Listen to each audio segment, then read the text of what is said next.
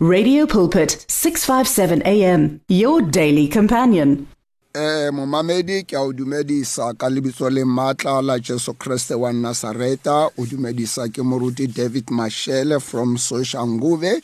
Re a o dumedisa re le mo radio pulpit eh mo o le mo teng ka mo lapeng mo mosebetsing mohlomong o mo tseleng. Re re modimo wa ka a o hlollofatse modimo a go etsetse ka go loka re santsane re na le sebaka sa o buisana ha mmogo le wena re a itumela eh re a dumela gore ka nnete bophelo bo ntse bo tswela pele le wena o ntse o itumetse ka dinako tsohle. Eh letsatsing la ka tseno re tlo buisana ka taba ya go tshepahala eh go ba le maikaelelo mo bophelong eh le go tsamaisana le ka tumelo mo go tshepeng modimo mo maphelong a rona. Re tlo bala lentswe la modimo ka tseno re lebeletse taba ya monna mogolo.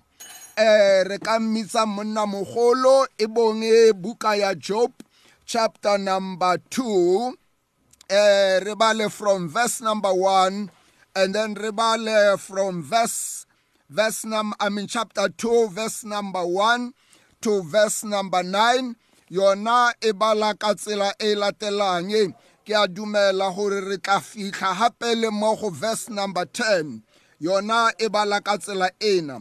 Again there was a day when the sons of God came to present themselves before the Lord and Satan came also among to present himself before the Lord. And the Lord said to Satan, From where do you come?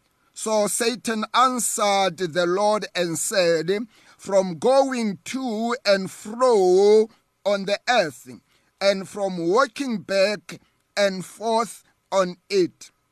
Then the Lord said to Satan, Have you considered my servant Job, that there is none like him on the earth?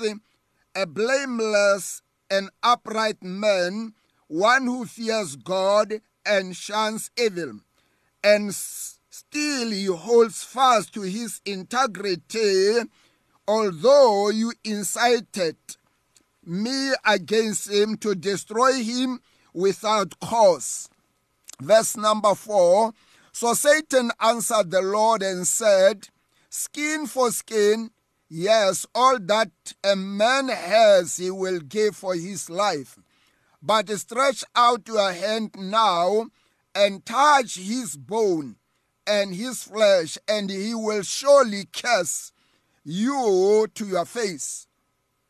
And the Lord said to Satan, Behold, he is in your hand, but spare his life. But spare his life. Verse number 7. So Satan went out from the presence of the Lord and struck Job with painful boils from the sole of his foot to the crown of his head. And he took for himself a potsherd with which to scrape himself while he sat in the midst of the ashes. Then his wife said to him, do not steal. Do you steal? Fast for your integrity, curse God and die. But he said to her, You speak as one of the foolish women speaks. Shall we indeed accept good for, from God, and shall we not accept adversity? In all this, Job did not sin with his lips. Eh ngwanesho re ya leboga re santsane re tlo bolela ka taba ya go tshepahala. Eh ha jopo eh maikemisetso a hae go phela le go tsamaisana ha mmogo le modimo. Eh taba ena ya jopo ena re tlo bolela ka taba ya integrity. Ya jopo kapa re tlo bolela ka go tshepahala. Ha hae mohlomongwe re bolele ka go tihisega ga hae mo tumelong ya hae mo go modimo. Eh re phela mo lefaseng le e leng gore le na le dikgwetlho. Lefase le le nang le di-challenges lefase le le etsang gore batho ba seke ba tshepagala batho ba seke ba kgona go tsamaya le modimo ka boammaruri. Empa babele e re fa mona sekai e re fa ka bophelo ba job eh mo go chapter number 1 re utlwile hape satane he a fihla mo go modimo a leka go accuse modimo ka baka la bophelo ba job a bolela gore eng job a ke ke a fapoga job a ke ke a ngala job a ke ke a kheloga ka baka la gore wena o mo etsetsa dintho tso tsohle ebile hape wena o mo sireleditse.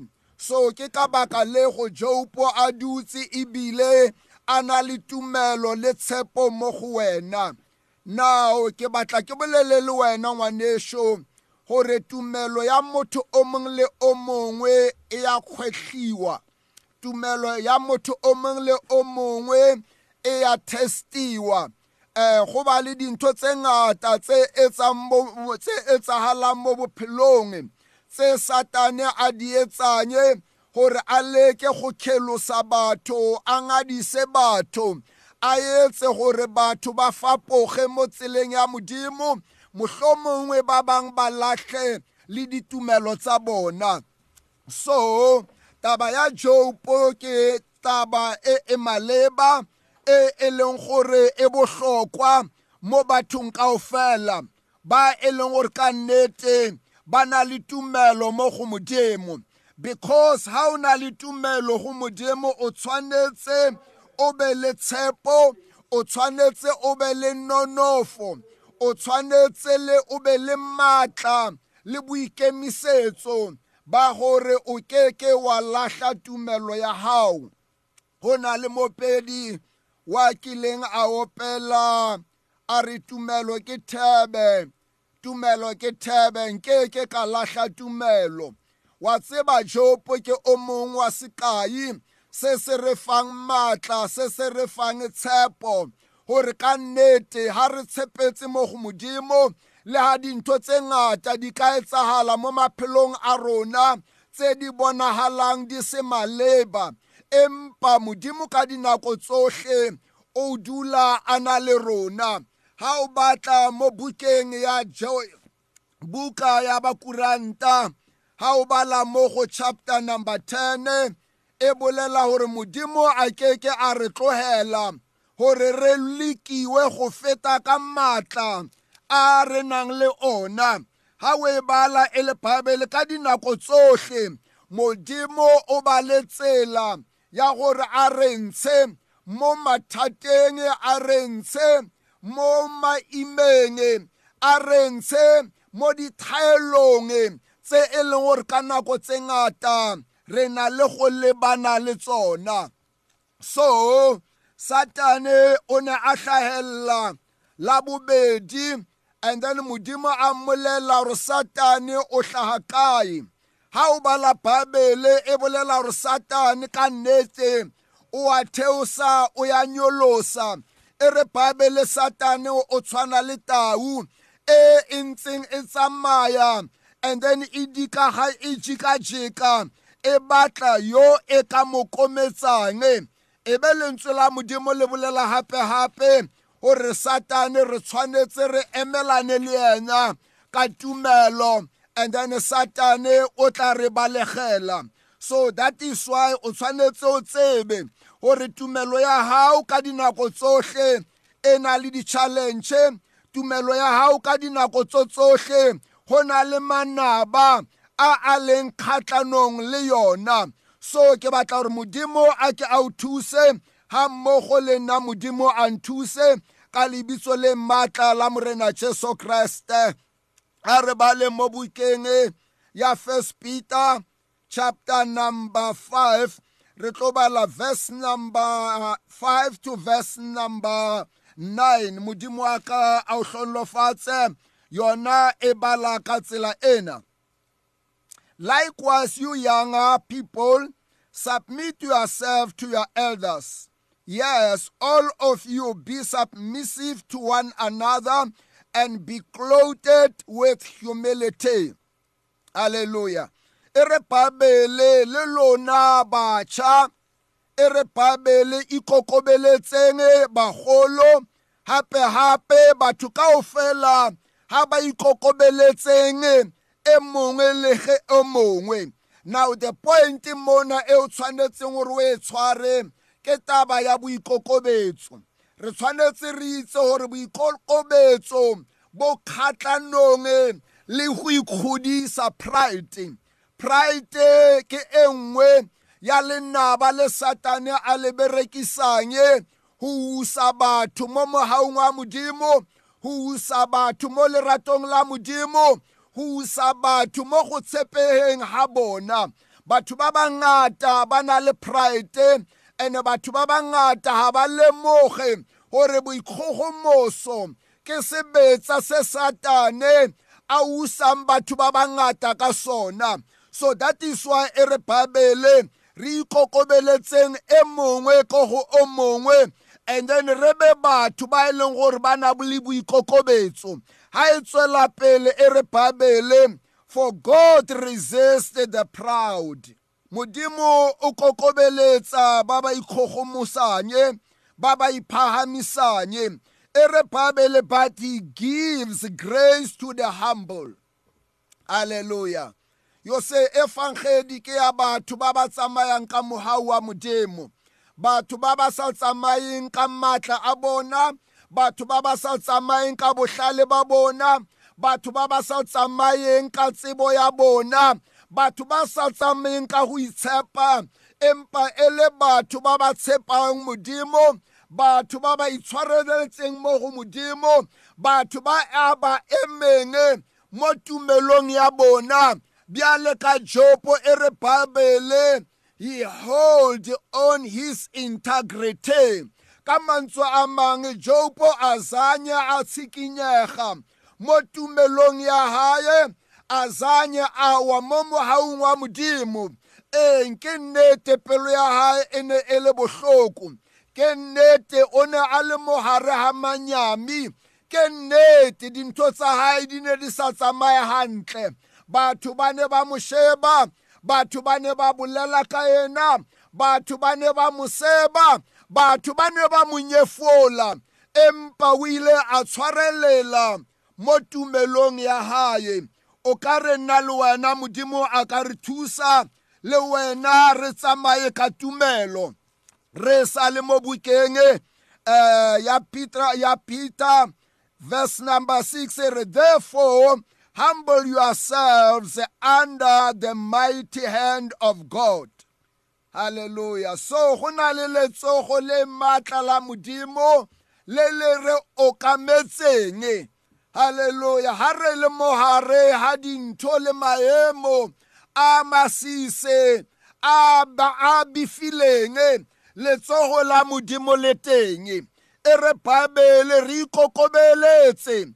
Haholo mo tlase ha letsogo la modimo le thata letsogo le maatla letsogo le le kgonang go re sireletsa le le kgonang gore le re inolle le re fenyetse mo matleng a o mobe what a powerful scripture. Hallelujah. Don't depend mo bokgoneng ba gago. Maatla a ka le a gago ngwaneso a lekanyeditswe a very limited. Mara go na le maatla a magolo a e leng gore a mo letsogong le maatla la modimo e re babele re ikokobetse mo go lona. E re babele that he may exalt you in due time. Halleluya modimo a le phahamise modimo a le a le phahamisa a le emise ka nako e e maleba ka nako e e tshwanetseng. Halleluya modimo ke modimo wa dinako. Modimo ha a mmese nako. Le wena modimo wa tseba gore mo nakong e tshwanetseng mo nakong e e maleba. Letsogo la gage le tla o phahamisa. Mohlomong ke bolela bjana o mo manyaming dintho ha di a o tsamaela hantle. Mohlomongwe o dikolotong mohlomongwe o mo dintweng mohlomongwe go na le dintho tse mpe tse e leng gore di ne di kgwetlha tumelo ya gago empa leta modimo tshepa modimo o seke wa nyama o seke wa lla o seke wa give upa gobane letsogo la modimo le teng go thusa nna le wena go thusa ka go fela ba ba tshepang yena modimo ka nako e tshwanetseng nako e maleba e e leng nako ya modimo. Halleluja a re ba le verse number 7 e re cast all your care upon him for he cares for you.